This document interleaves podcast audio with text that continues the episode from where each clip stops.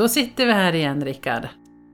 Ja, det gör vi. Jag sitter på min vanliga plats. Men det är ingenting annat som är vanligt. Ja, den här studion, den är som vanligt. Men annars är det väldigt mycket annorlunda saker. Vad är det som har hänt? Är det... Ja, men det vi pratade om förra gången, det var ju faktiskt det här med att våga förändra. Mm. Och att våga helt enkelt. Då. Och för mig har ju det betytt att nu sitter jag här som en egenföretagare. Jag är inte anställd längre någonstans. Jag slutade mitt jobb i fredags. Och nu sitter jag här och ja, ingenting är sig likt. Till att börja med känns det ju som en, ja kanske trettondagsafton, en måndag då man är ledig. Men det är ju inte. Det är inte bara en dag utan nu är det permanent. Grattis! Tack. Hur känns det? Ja, det är svårt att beskriva det. Är inte enkelt att beskriva det Nej, faktiskt. så- vanan med att man ska gå upp till jobbet imorgon kanske. Ja men exakt, exakt. Så Mm. Precis. tankarna är ju fortfarande på jobbet emellanåt. Ja, det blir ju första dagen så jag förstår det mycket väl.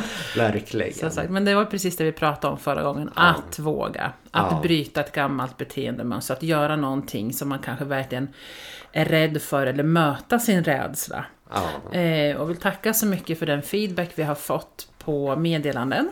Och eh, privat eh, Messenger har jag också fått feedback och även kommentarer på själva, på podd, på Podbean har vi fått. Jättebra. Så tack för alla kommentarer. Och eh, det är liksom det som gör hur ska vi ta hand om framtiden. Och idag så kommer vi att prata om ett ämne då som har kommit upp då. då och det handlar om omtanke och medkänsla. Vi kommer att prata om det här. Är det någonting i kommentarerna som vi vill lyfta fram först innan vi går över på huvudämnet? Eh, först och främst vill jag säga tack där jag har läst, eller vi som vi har läst, att det är så många som har blivit inspirerade av avsnittet. Och det är ju verkligen det som vi brinner för, både du och jag, att kunna hitta, komma in i de här små skrymslen och vrårna som att kanske att man tittar in hos sig själv och ja, den här, den här, vid det här tillfället, då, då trotsade jag min rädsla och gjorde verkligen det här. Och jag ångrar ingenting. Att vi verkligen har fått responser från er lyssnare att eh, ni verkligen känt, känt er peppar och ta tag i saker och ting som ni kanske har väntat lite med, eller jag tar det sen, eller vi tar det imorgon.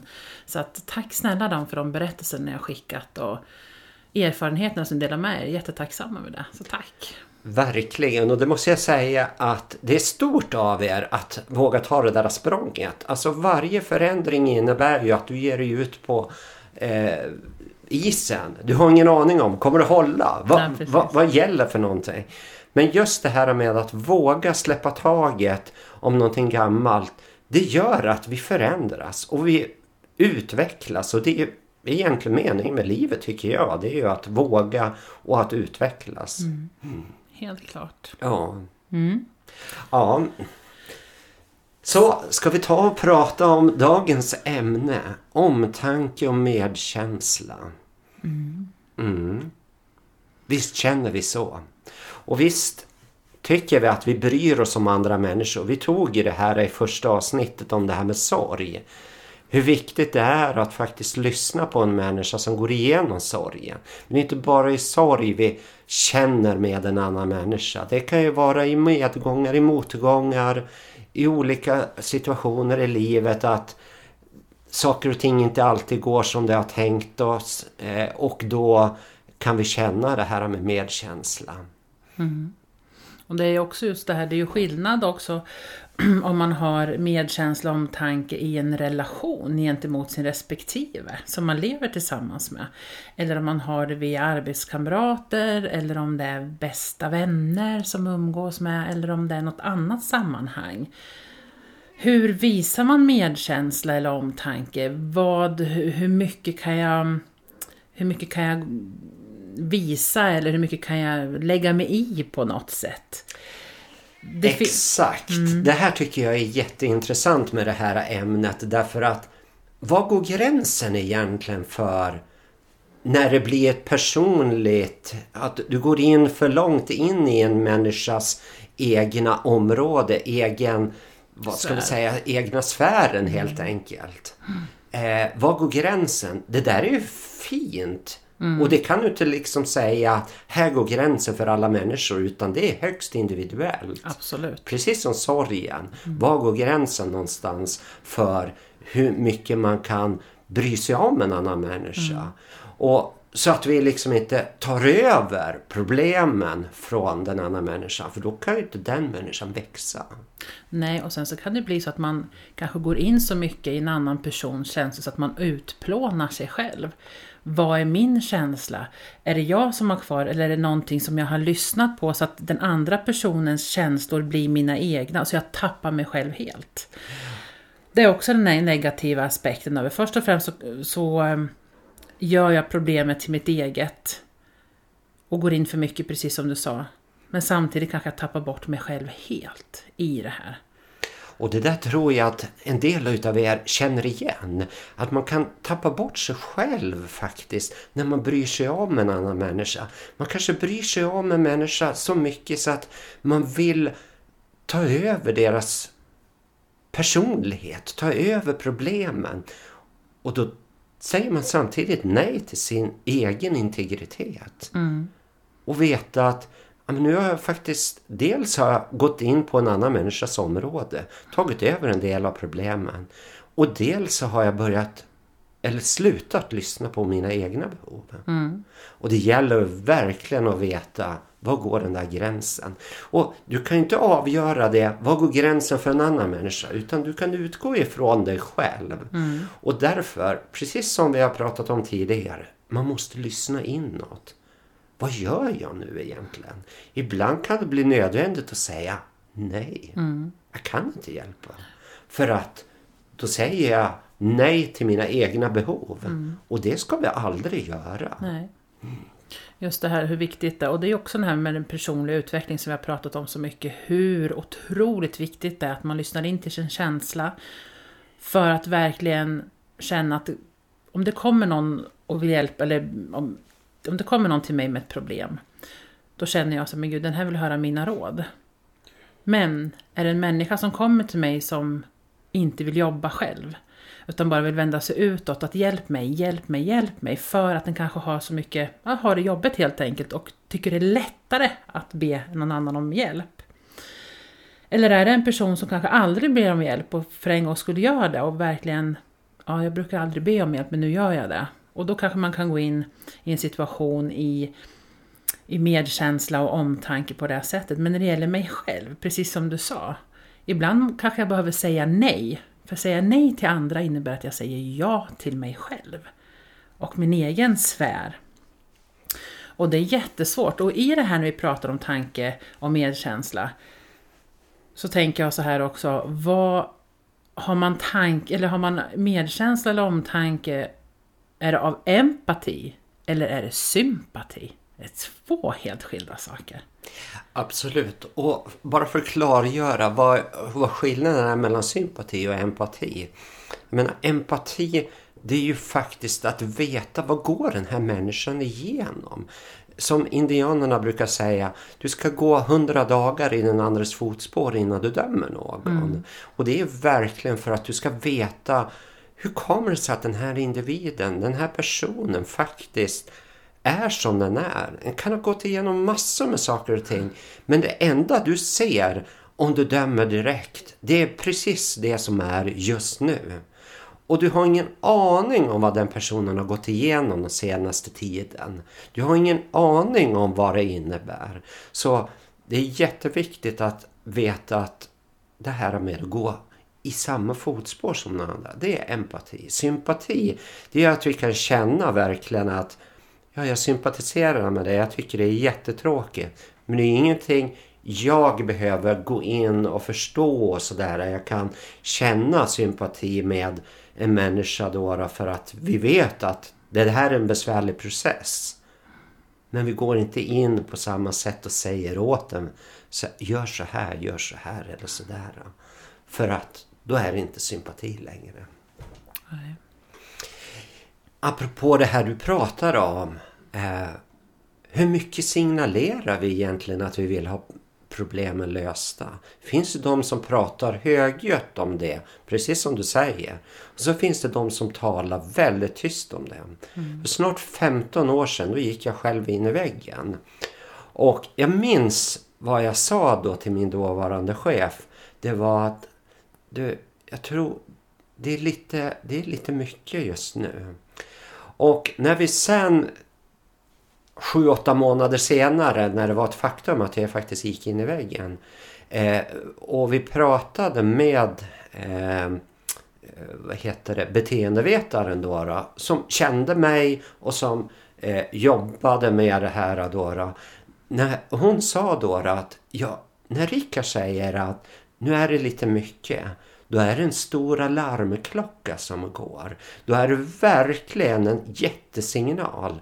För att jag brukar inte säga att ja, på ett sätt säga be om hjälp med någonting. Och när jag väl gör det, då har det gått jättelångt. Så menar hon på och det stämmer klockrent. Mm. Sen finns det de som verkligen bara vräker ur sig vid minsta motgång. Åh, jag behöver verkligen hjälp.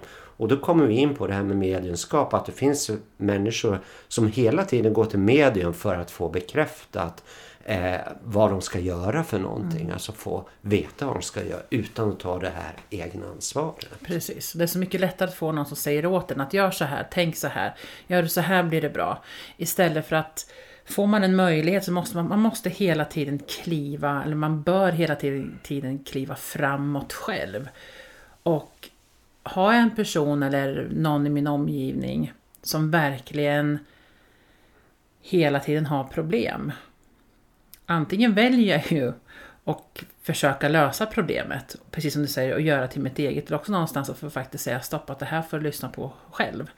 Eller ta, lösa själv. För att ibland kan man träffa, som jag pratade tidigare om ett, ett avsnitt, att man träffar samma människa och man upplever samma sak efter tio år efter tio år, man har samma problem. Och tänka så här att om någon kanske har varit där och sagt stopp, sagt nej, då kanske man har kommit ur den här, rubbat den här balansen. Och samtidigt som du säger, kliver jag in i den här personens sfär och kanske blir obekväm? Eller är jag mån om min egen känsla att inte gå in i den här diskussionen? För att medkänsla och omtanke som, som vi sa, det kan ju liksom bli negativt. Att jag vill någon så väl, att jag vill hjälpa någon så otroligt mycket när jag har redskapen och verktygen. Så att jag verkligen nästan drar undan mattan på den personen som behöver ha det istället för att kanske ge, ställa frågor till dem som får tänka själva. Har du varit med om det någon gång? Att man liksom kanske verkligen, men jag har hela verktygslådan, låt mig snickra lite så kan jag hjälpa. Och, och, och det man märker då att man snickrar ihop det här och hjälper den här personen. Och den här personen, det går in genom örat och ut genom det andra. Eftersom att jag tar ifrån den personens ansvar av omtanke då, innan jag visste själv vart min egen gräns gick. Ja men absolut, sånt här känner vi ju väl igen. Och jag tror att vi, speciellt vi då som håller på att jobba med någon form av alltså mediumskap eller healing eller sådär. Vi blir lätt i den situationen att vi vill hjälpa andra människor. Det är naturligt för oss. Så självklart, vi samlar på oss en massa erfarenheter om hur det, hur det här med kvantfysikvärlden eller andligheten eller spiritualism eller vad det än handlar om. Vi, vi känner att vi har en massa verktyg så att vi kan hjälpa andra människor. Men då ska vi vänta tills de ber om det. Och vi ska ge dem lagom mycket. Så att det inte blir att de en gång i månaden kommer får få bekräftelse. Det vill säga, hur ska jag göra nu med den här månaden? Nu har jag de här problemen istället. Kan du vägleda mig? Kan du hjälpa mig med det här? Så är det en del människor som ringer till sådana här eh, linjer då, tarotlinjer och liknande. Ring till mig, jag löser dina livsproblem. Exakt. Och vad leder det till? Skapa du är beroende, beroende hela tiden. Och jag menar, det är ju negativt ur många aspekter. Dels är det väldigt kostsamt.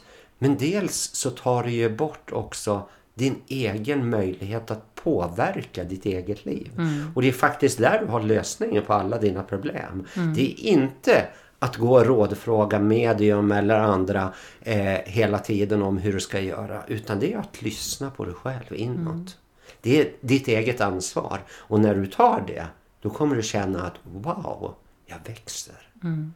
Och ibland innan man kommer dit så kanske man behöver någon att bolla med. Men då gäller det att man hittar någon som kanske inte sympatiserar och håller med och gud så förskräckligt det är och ja men ja jag förstår det och, och vad hemskt det är och man, man följer med i den här jargongen på ett sätt. Det jag ska hjälpa, det jag ska lösa, men jag kan hämta, jag kan skjutsa, jag kan göra allt det här. Och när man väl hittar den och säger nej, då har min upplevelse blivit så här, men gud vad kall du är. Och du brukar alltid hjälpa till. Nej men alltså, jag kan göra det men jag vill inte göra det för att du lyssnar ju ändå inte på vad jag säger. Nej. Så ibland när man liksom hittar den här gränsen, vilket tar många år, så har jag upplevt att man kan upplevas lite känslokall. För att man kanske inte vältrar sig i den här, om man tittar med ett gäng väninnor som bara Åh gud, åh, stackars dig och ja, jag förstår, åh, åh, ja, ja. Alltså, jag kan inte med sånt. Jag, säkert, jag har varit med om det massor med år sedan och pratat om det självklart, men när jag blickar tillbaka idag så vi hjälpte ju inte personen, utan vi hjälpte ju personen eller personerna, vilka det nu var, eller jag kan jag säga, att den är kvar i samma mönster. Exakt. Man hjälper inte personen med omtanke utan man bara håller med och tycker synd om. Och det är också många som kanske förväxlar det med omtanke, att man håller med. Eller att jag känner med dig, åh vad synd det är om dig. Och jag förstår vad du går igenom, men tänk om. Och, alltså det finns så många olika sätt att se på det. Ja, men jag tror att det skälper mer. Mm, ja. Att man sitter bara och håller med.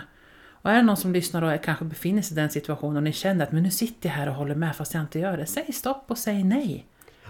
Och låt den andra personen ta sitt eget ansvar. Precis som du säger, det är då förändringen kommer. Ja men exakt. Mm. Jag vet eh, att eh, jag för några år sedan så, så skulle jag hjälpa en god vän. Och eh, då var det på det viset att det gjorde jag väldigt gärna. Man vill ju hjälpa sina vänner. Absolut. Helt naturligt. Mm. Man vill ju hjälpa alla människor egentligen. Men framförallt sina vänner vill man verkligen hjälpa. Men det kom till en gräns när jag kände bara att men gud, den här personen lyssnar inte. Den här personen, det känns som jag blir utnyttjad. Så när nästa gång personen formulerade sin fråga, då sa jag bara nej. Jag Mm. tänker inte hjälpa dig i det här. Mm. Det här måste du klara själv. Och jättekonstigt kändes det liksom. Men gud så befriande det var inom mig själv. Jag kände bara att jag hade nått en gräns där jag kände att nej, det spelar ingen roll att vi är vänner. Jag måste sätta en gräns för att jag ska må bra. För att jag ska känna att ja, men det här är inte mitt problem. Det här är inte min sak. Det här är inte jag som ska ta på mig. Det här ska inte jag hantera. Och jag kände att fortsatte jag på det här viset då skulle jag göra våld på mig själv. Mm.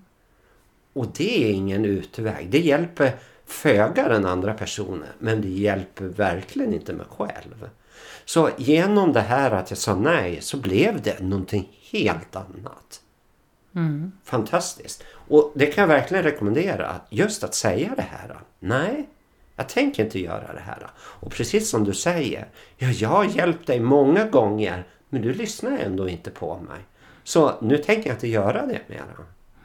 Nej, precis. Och, och, och så tänker jag det här med, med relationer. Om man, har, om man lever med sin kvinna eller man och den här, sin respektive kanske olycklig och den här andra personen verkligen gör saker för att få den andra att må bra. Men jag gör det här, eller jag kan fixa det här, eller jag kan göra det här för man ser att den andra personen är bra. Eller alltså inte mår bra, utan man vill lyfta, man vill göra det bästa för att den här personen ska lyftas och känna sig älskad, omtyckt.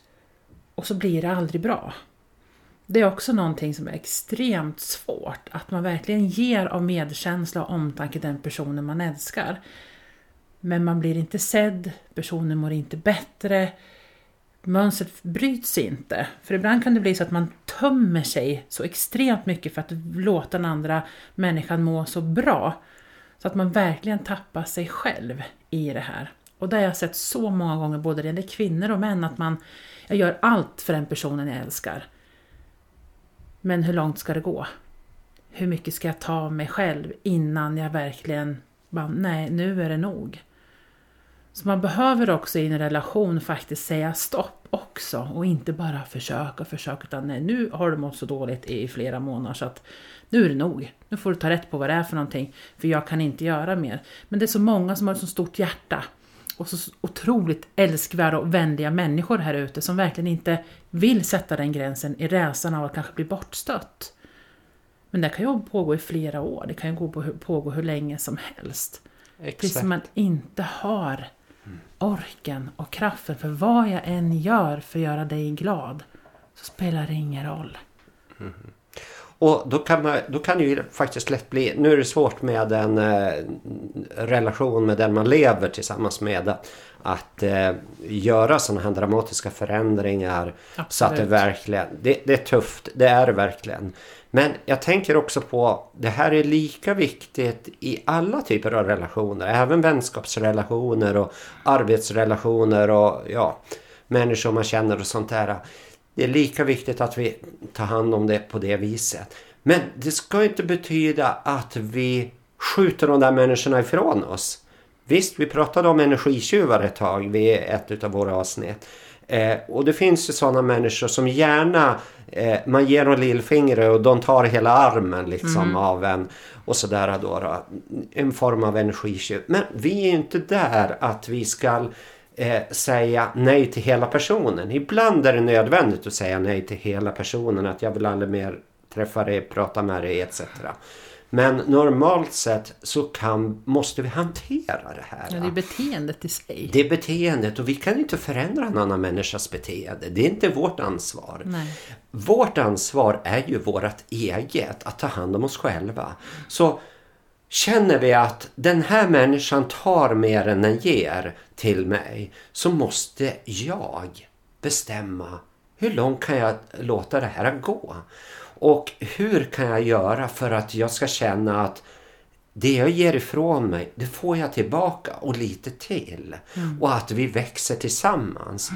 Mm. Eh, det tycker jag är strävan. Men då krävs det att man är uppmärksam på det här beteendet, den här människans och både den här människans beteende men också mitt eget. Vad är det jag gör med mig själv?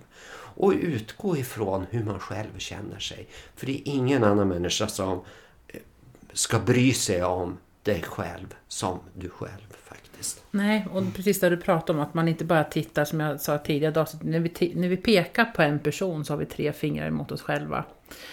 Och just det här med speglingar, om jag upplever att en person är väldigt gnällig eller gnällig då kanske jag ska titta på mig själv. Gnäller jag? Vad har jag för inställning till livet? Vad har jag för inställning till saker och ting? Så ibland kan det faktiskt vara så att, att det är ren spegling av mig själv och mitt kanske påfrestande eller intensiva beteende eller gnälliga beteende som en annan person, som jag lägger över på en annan person. Eh, så att precis som du säger, man ska ha båda bägarna öppna för att se. Och där är just det här, eh, om vi går tillbaka då, men man kan ju breda ut det så otroligt mycket i det här ämnet, men försöka hålla det till medkänsla och omtanke så innan man kanske agerar precis som du säger, tar det här mer än vad det ger? Titta på mig själv, är det en spegling av mig själv? Eller är det verkligen så att den här människan är väldigt krävande och jag behöver säga stopp? Då ska man agera efter det. Och jag tycker det är så spännande eftersom vi ofta pratar om människor då. Och det är ju i, i dagens tema så är ju det naturligt att att det blir människor vi pratar om. Men människor är ju utsända för oss att träna på. En, en fras som Kai Pollak körde i sina böcker och jag tycker det är så jättebra. Människor är utsända för oss att träna på, det vill säga vara spegelbilder gentemot mm. oss själva. Och då kan man börja fråga sig, hur kommer det sig att jag har den här människan i mitt liv? Mm. Till att börja med. Vad fyller den människan för funktion i mitt liv? Är det som du säger någonting som jag behöver lära mig om mig själv? Det vill säga, den där människan gnäller väldigt mycket. Är det så att jag själv är gnällig? Många gånger kan det vara så. Ibland är det inte så. Ibland kanske man behöver ha en annan människas jag kallar det gnällighet eller negativa beteende för att slippa titta in på mitt eget beteende. Mm. För att slippa eh, reflektera över hur mår jag? Hur känner jag? Vad, vad gör jag? Vad, vad vill jag undvika? Hos mig själv. Det kan vara att vi värderar någonting som väldigt viktigt. Och sådana saker. Så ibland behöver vi stanna upp och fundera varför har jag de människorna jag har i mitt liv? Från ens allra närmaste partnern till vännerna, kamraterna, arbetskamraterna, jobben. Allting är ju reflektioner på mig själv där mm. jag är just nu. Absolut. Och jag kan verkligen hålla med dig. Och det jag, tänker, jag möter oftast människor nu som jag verkligen ser. Tänk, det här känner jag igen. Men, jag, men jag har gått vidare i mitt tankesätt eller lämnat ett gammalt beteende bakom mig. Och det är ganska härligt att se den reflektionen. Att tänka att jag, jag, jag brukar falla i den här folk, alltså jag brukar, det här är min akilleshäl. När någon, jag märker att någon mår bra, det är liksom det här, då kan jag gå dit och hjälpa fast de kanske inte har bett om hjälp. För att den manteln brukar liksom såhär, super Nej men, jag kan liksom, och ibland får jag verkligen backa och jag är så tacksam när jag möter sådana människor som verkligen direkt bara kommer med det här skyddsnätet och hjälm och utrustning. Nu ska jag rädda dig! Och känner bara, ja men det där har ju varit jag förut. Då. När jag liksom var på den platsen i min utveckling då. Och det känns så skönt att få en bekräftelse att jag har gått vidare. Och om tio år kanske jag sitter och tänker, nu satt jag och pratade i en podd om det här och då tänkte jag så här. Alltså utvecklingen är fantastisk men även se på människor hur de växer i sig i, i omtanke och medkänsla, precis som vi pratade om i början här, att, och utan att man liksom lägger sig i. När vi pratar om det här med sorg, att jag verkligen känner. Jag känner. Jag kan inte förklara, jag har inte förlorat en make eller så jag kan inte förklara den känslan men jag förstår på ett sätt. Det är medkänsla men jag behöver inte börja beskriva och hur jobbigt jag har eller liksom ta över din känsla det är faktiskt en konst att kunna göra det, att, liksom att låta du ha den känslan och den är okej okay, utan att jag ska göra den bättre. Precis, för jag tror att det är det största problemet vi har idag med just det här med omtanke och framförallt medkänsla. Det är att vi ska lösa allas problem. Men problemet är till för att lösas av andra alltid. Problemen finns där, känslorna finns där av en anledning. Det är för att vi ska kunna plocka upp dem och känna in.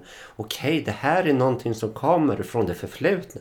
Det kanske ligger djupt begravet långt ner i åldern. Och för en människa som mig då på 60 år. Det kanske är i barndomen som jag har ett minne av det här hände mig och det fick enorma proportioner. Sen har jag helt glömt bort det men det ligger fortfarande kvar där. Så känslorna behöver inte lösas. Nej. Ibland behöver de komma upp så att vi får känna på dem. Okej, okay, det här finns i mitt liv. Så försöka att lösa andra människors problem? Nej, egentligen inte. Eh, vi kan finnas där som ett stöd och många gånger så säger folk då att ja, är det så att du behöver hjälp, du vet, jag finns här för dig. Men vi kan inte lösa andra människors problem utan de kan komma till oss för att få saker och ting speglade och vi kan vandra tillsammans med dem under en viss tid. Men lösningen på problemen de finns inuti en själv. Men man kan behöva ha, precis som du sa tidigare, en skjuts i rätt riktning. Mm. För att förstå, aha, okej. Okay. Mm. Det är jag som behöver titta på mig själv. Det är inte så många människor som tänker liksom att ja, jag behöver titta på mig själv för att kunna ändra på min tillvaro. Mm. mm. Exakt. Nej, det är ett jättespännande ämne och då är jätte, tankarna bara far omkring. Och det kan jag säga också just det här med våran podd, att när vi gör den här podden så sitter vi och pratar som i ett samtal. Vi har inte förberett någonting, utan vi delger precis det som kommer upp just nu, här och nu. För vi vill ha den här podden som ett äkta IRL-samtal emellan oss. Jag ville bara tillägga det. Verkligen. Det har vi tillagt vid tidigare poddavsnitt också. Men det är precis så.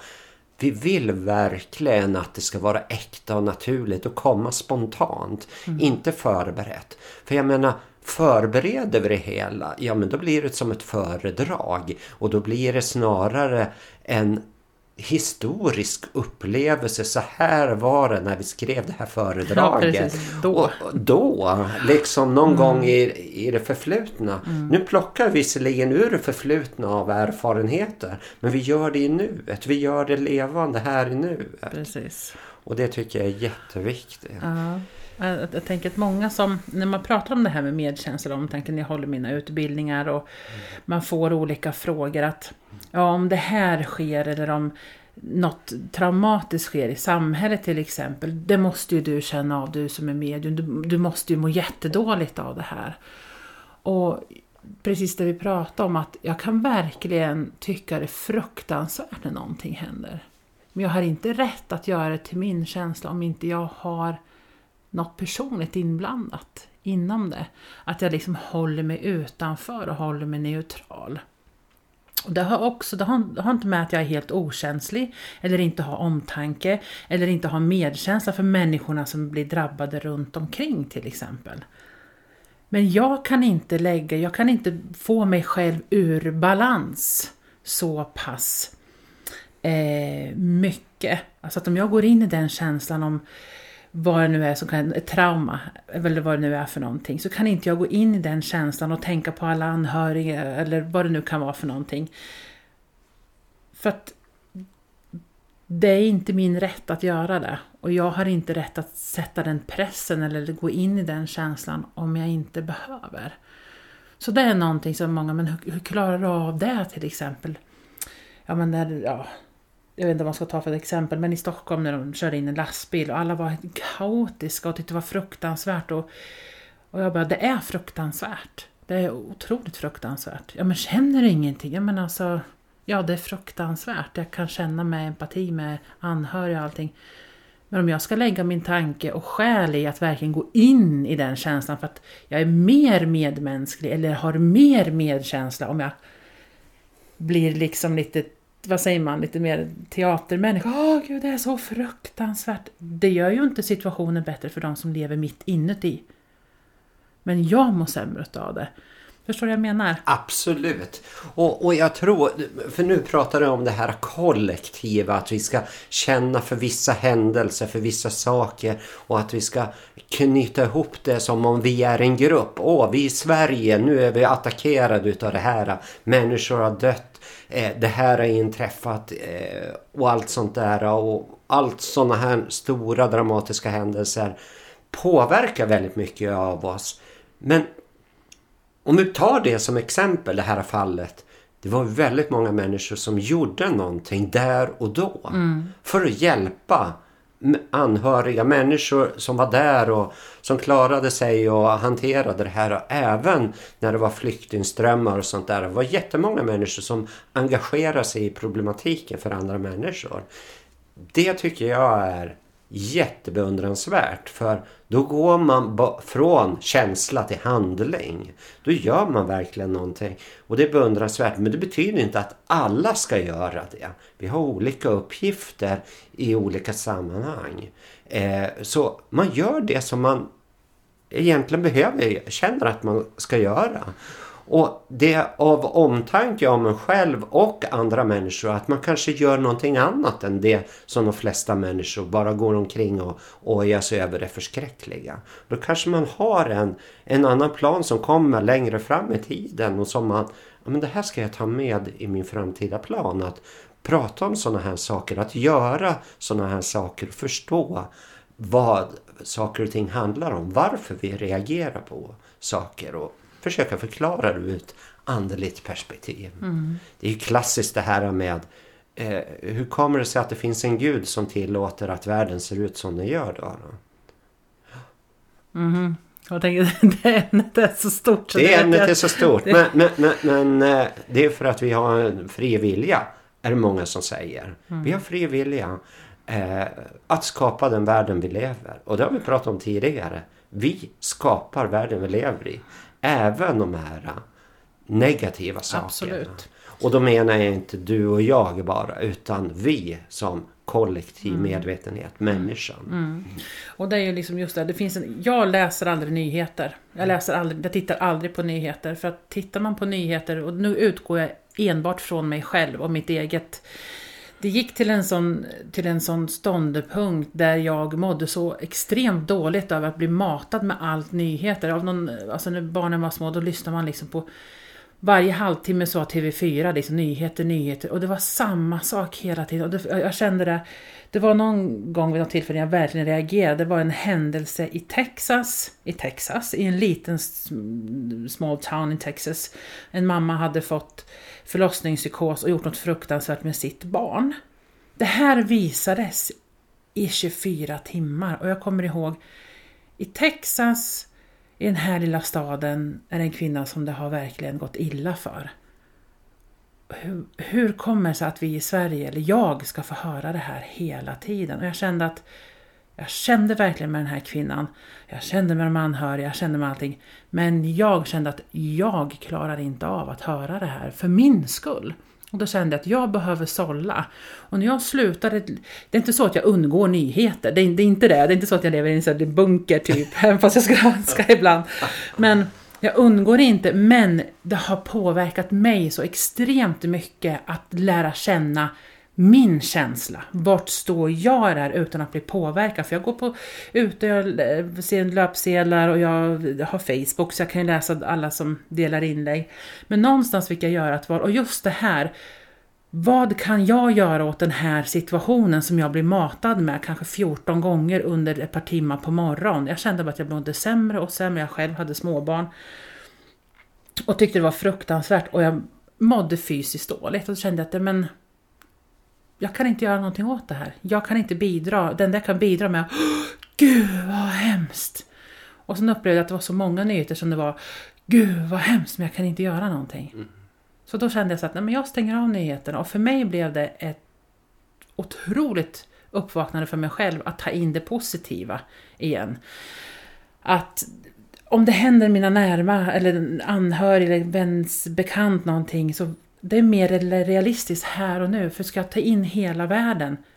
Jag vet inte vart jag ska ta vägen. För jag har väldigt mycket medkänsla och jag har omtanke väldigt mycket. Men jag har inte förmåga att ta in så mycket utan då vill jag hellre, precis som du säger, fokusera på det som finns i min närhet och kanske kan göra pass it forward. Om jag gör en sak till dig så kanske du kan göra likadant till tre stycken och för, på den sättet förändra världen med omtanke och medkänsla. Um, så det gäller liksom verkligen att vakna upp och känna vart står jag i? Oavsett om det är världen eller om det är min bästa vän. Absolut, och jag tycker det är jättebra att du tar upp det här. För jag menar, det är lite kontroversiellt att säga att ja, jag har slutat titta på nyheterna och lyssna mm. på nyheterna och sånt där. Alltså det. Men det, det är ju väldigt märkligt att här är vi två stycken i det här rummet Eh, det, det, är faktiskt katten Pussel som ligger i soffan här. Han lyssnar mer på nyheterna än vad jag gör. Mm. så, och det är för att eh, när, när, jag jobbade då, då, då brukar jag alltid sätta på radion så han ska få höra det. Och det är P1 och det är eh, nyheter med jämna mellanrum. Men jag tror inte han bryr sig så mycket om nyheterna faktiskt. Men jag håller med dig om det, allt det här matande av negativa saker det gör någonting med oss. Det gör någonting med våra känslor. Det, det, det bankas in igen. Och det blir lite grann som att titta på såna här filmer då, då, som är ganska råa, brutala och sånt där. Gör du det tillräckligt länge så blir det din vardag och då reagerar du inte riktigt längre på det där. Och jag vill bevara min känslighet mm. även för det här finkänsliga, det här finstilta. Jag vill inte liksom känna att, ja men vadå? Eh, det här är inträffat, det var väl ingenting. Ja men för den enskilda individen var det enormt mm. stort. Man blir fartblind. Exakt. Så jag tycker det är jättebra att reflektera över vad gör saker och ting med en? Vad gör nyheterna med en? Vad gör all den här informationen som sköljer över oss idag? Nu kommer vi en aning från ämnet men jag tycker det här är viktigt också med om vi ska fortsätta ha medkänsla och bry oss om andra människor då behöver vi också ha förmågan att kunna göra det och kunna sålla. Vad är viktigt i den här situationen för den här enskilda individen som kanske står en nära, en god vän som har problem just då. Då ska vi kunna finnas där och inte bara känna, ja men vadå? Det, det händer så mycket ute i världen så att jag behöver inte bry mig om man, det. Man nonchalerar sig själv och sin känsla. Det här klassiska som jag hör så många så här, åh gud jag har så problem med mitt knä, jag ska genomgå en operation eller jag har så otroligt ont i min nacke sen jag krockade, fast det finns de som har det så mycket värre. Exakt. Men underlättar det din verk? Att det finns andra som har det så mycket värre? Det är någonting, för då tar man ju bort min känsla. Mm. Eh, och precis som du säger, liksom att det finns någon som har det sämre i världen så att bit ihop och kom igen då. Och då bedövar man. Det blir som tandläkarbedövning, precis som du säger. Känner jag liksom, ah, det är inte så farligt, men du har benpipa ut. Ja, ja, det finns de som har det värre. Ja, men alltså du behöver lite ja. omvårdnad. Ja, exakt. Så att, ehm, och för att komma tillbaka till det här så, när jag, jag märkte ju inte skillnaden förrän jag började kanske titta på nyheter när jag var hos de som hade nyheter på. Då kände jag hur mycket det påverkar mig. Och jag säger det så, jag säger inte att någon ska sluta kolla på nyheter, det är inte det jag säger, jag beskriver min upplevelse. Eh, men jag har ju också fått höra liksom att jag är känslokall om jag inte bryr mig om resten av världen. Och det, det tycker jag inte vi ska säga till någon annan. För vi vet inte alls hur det är. Vi vet inte alls hur en människa hanterar saker och ting. Men mm. när folk frågar mig hur, hur läget är då. Så, så kan jag beroende på situationen eh, säga allt ifrån Ja, just nu så har jag en sån där stund av sorg inom mig själv. Och, och, eh, jag grät alldeles nyss liksom. Men i en annan situation så kanske det var precis detsamma. Men jag säger bara att Nej men det är jättebra. Jag håller på att handla lite grann här vad jag ska ha kul nu ikväll då, då jag får hem lite gäster och sånt där. Men alldeles nyss så grät jag, men det säger vi inte. Därför att i situationen just då så var inte det lämpligt. Jag visste mm. inte hur jag skulle hantera det. Så vi ska vara försiktiga med att döma andra människor för känslokalla eller liknande. Vi har ingen aning om hur det är. Det här är ett jättestort område men jag tycker ändå att vi har pratat lite grann utifrån de här bitarna. Mm. Och vi skulle kunna fortsätta mycket länge men jag tror att ni förstår hur vi tänker kring det här med omtanke och medkänsla. Vad som är viktigt att ta med sig det är ju det här med var, var går min personliga gräns för hur mycket jag kan Hantera. Hjälpa andra mm. människor. Hantera. Jag måste också kunna hjälpa mig själv. Det är precis som på flyget. Sätt på det eh, masken på, syrgasmasken på dig själv först och sen på ditt barn. Man vill ju helst göra tvärtom. Men kan inte du hjälpa barnet eh, för att du har eh, svimmat av ja, då kommer det inte klara sig. Precis. Så att du måste börja med dig själv för att kunna ge. Ja, mm. som sagt, jättestort ämne, lite svårt. Mm. Eh, empati, sympati, omtanke, medkänsla. Man ska alltid ha omtanke och medkänsla, men kanske tänka på, behöver jag kliva in i din sfär om jag kanske ser att man kanske fiskar lite efter liksom lite råd och hjälp. Kan du göra det själv? Kan jag peppa dig till att lösa det här själv till exempel? Utan att jag själv går in i det. Det kan också bli curling när man hjälper för mycket. Absolut! Och det är väl framförallt barnen som... barnen man kan curla vänner också. ja, det kan man också göra. jag tror jag har någon erfarenhet av det kanske. ja, ja, det har jag också erfarenhet eftersom jag inte har egna barn. Ja, precis. Nej. Men du, jag tror att vi ska ta och runda av nu faktiskt. Men vi ska annonsera också vad vi kommer att prata om nästa gång. Och det är i mitten på februari. Eh, nu har vi pratat rätt så mycket om personlig utveckling. Och personlig utveckling är jätteviktigt inom nästa område som vi ska prata om. Och det är? Mediumskap. Just det, mediumskap. Här sitter ju faktiskt två medier. Mm. Mm, och vi pratar i ett medium också då, då en så kallad podd. ja. Men eh, så mediumskap kommer det handla om nästa gång. Och för er som inte vet så mycket om mediumskapet, ställ gärna frågor innan så kan vi ta upp det här. Och även ni som känner att ni kan det här med mediumskapet men fortfarande har en del frågor kopplat till det. Eh, ta gärna upp det också. Vi kommer att ha med lite belysning på det här med mediumskap och personlig utveckling. För det är någonting som vi båda tycker går hand i hand. Absolut, det är Absolut. jätteviktigt ja. i mediumskapet. Ehm, det är för mig är det A och O.